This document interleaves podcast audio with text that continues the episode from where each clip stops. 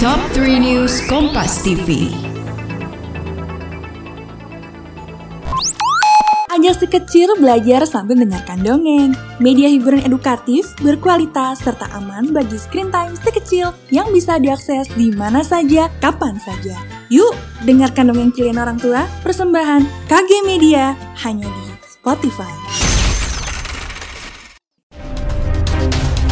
Halo sahabat Kompas TV, bertemu lagi bersama saya Dea Davina di Top 3 News Kompas TV.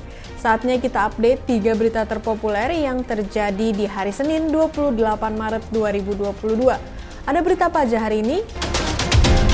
Berita yang pertama, sahabat Kompas TV, Ketua Mahkamah Konstitusi Anwar Usman buka suara terkait rencana dirinya yang akan menikahi adik dari Presiden Joko Widodo, Hidayati.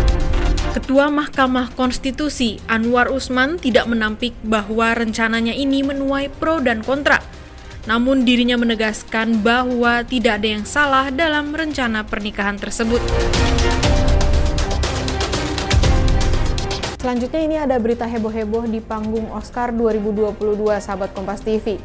Aktor Will Smith menampar wajah komika Chris Rock di panggung Oscar 2022. Hal ini ia lakukan karena Chris Rock melontarkan lelucon terkait istrinya yaitu Jada Smith.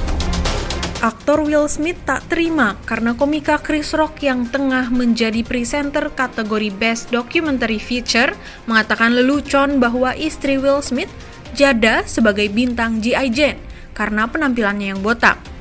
Will Smith pun lantas marah dan langsung menampar Chris Rock di panggung Oscar 2022.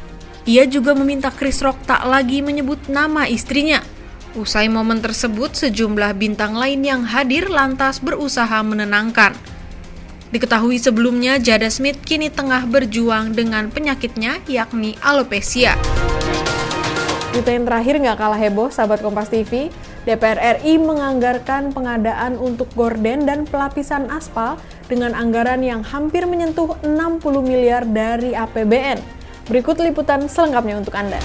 Menurut Wakil Ketua DPR Sufmi Dasko Ahmad, anggaran sebesar 48 miliar rupiah ini akan digunakan untuk penggantian gorden rumah dinas DPR di Kalibata, Jakarta. Anggaran ini juga sudah diusulkan sejak lama oleh Sekretariat Jenderal DPR RI dan baru direalisasikan tahun ini. Sementara untuk pengaspalan, Dasko menyampaikan bahwa aspal di DPR sudah banyak yang rusak. Sahabat Kompas TV, itu dia tadi tiga berita terpopuler yang terjadi hari ini. Sekarang saatnya saya, Dea Davina, pamit undur diri. Sampai ketemu lagi di Top 3 News selanjutnya.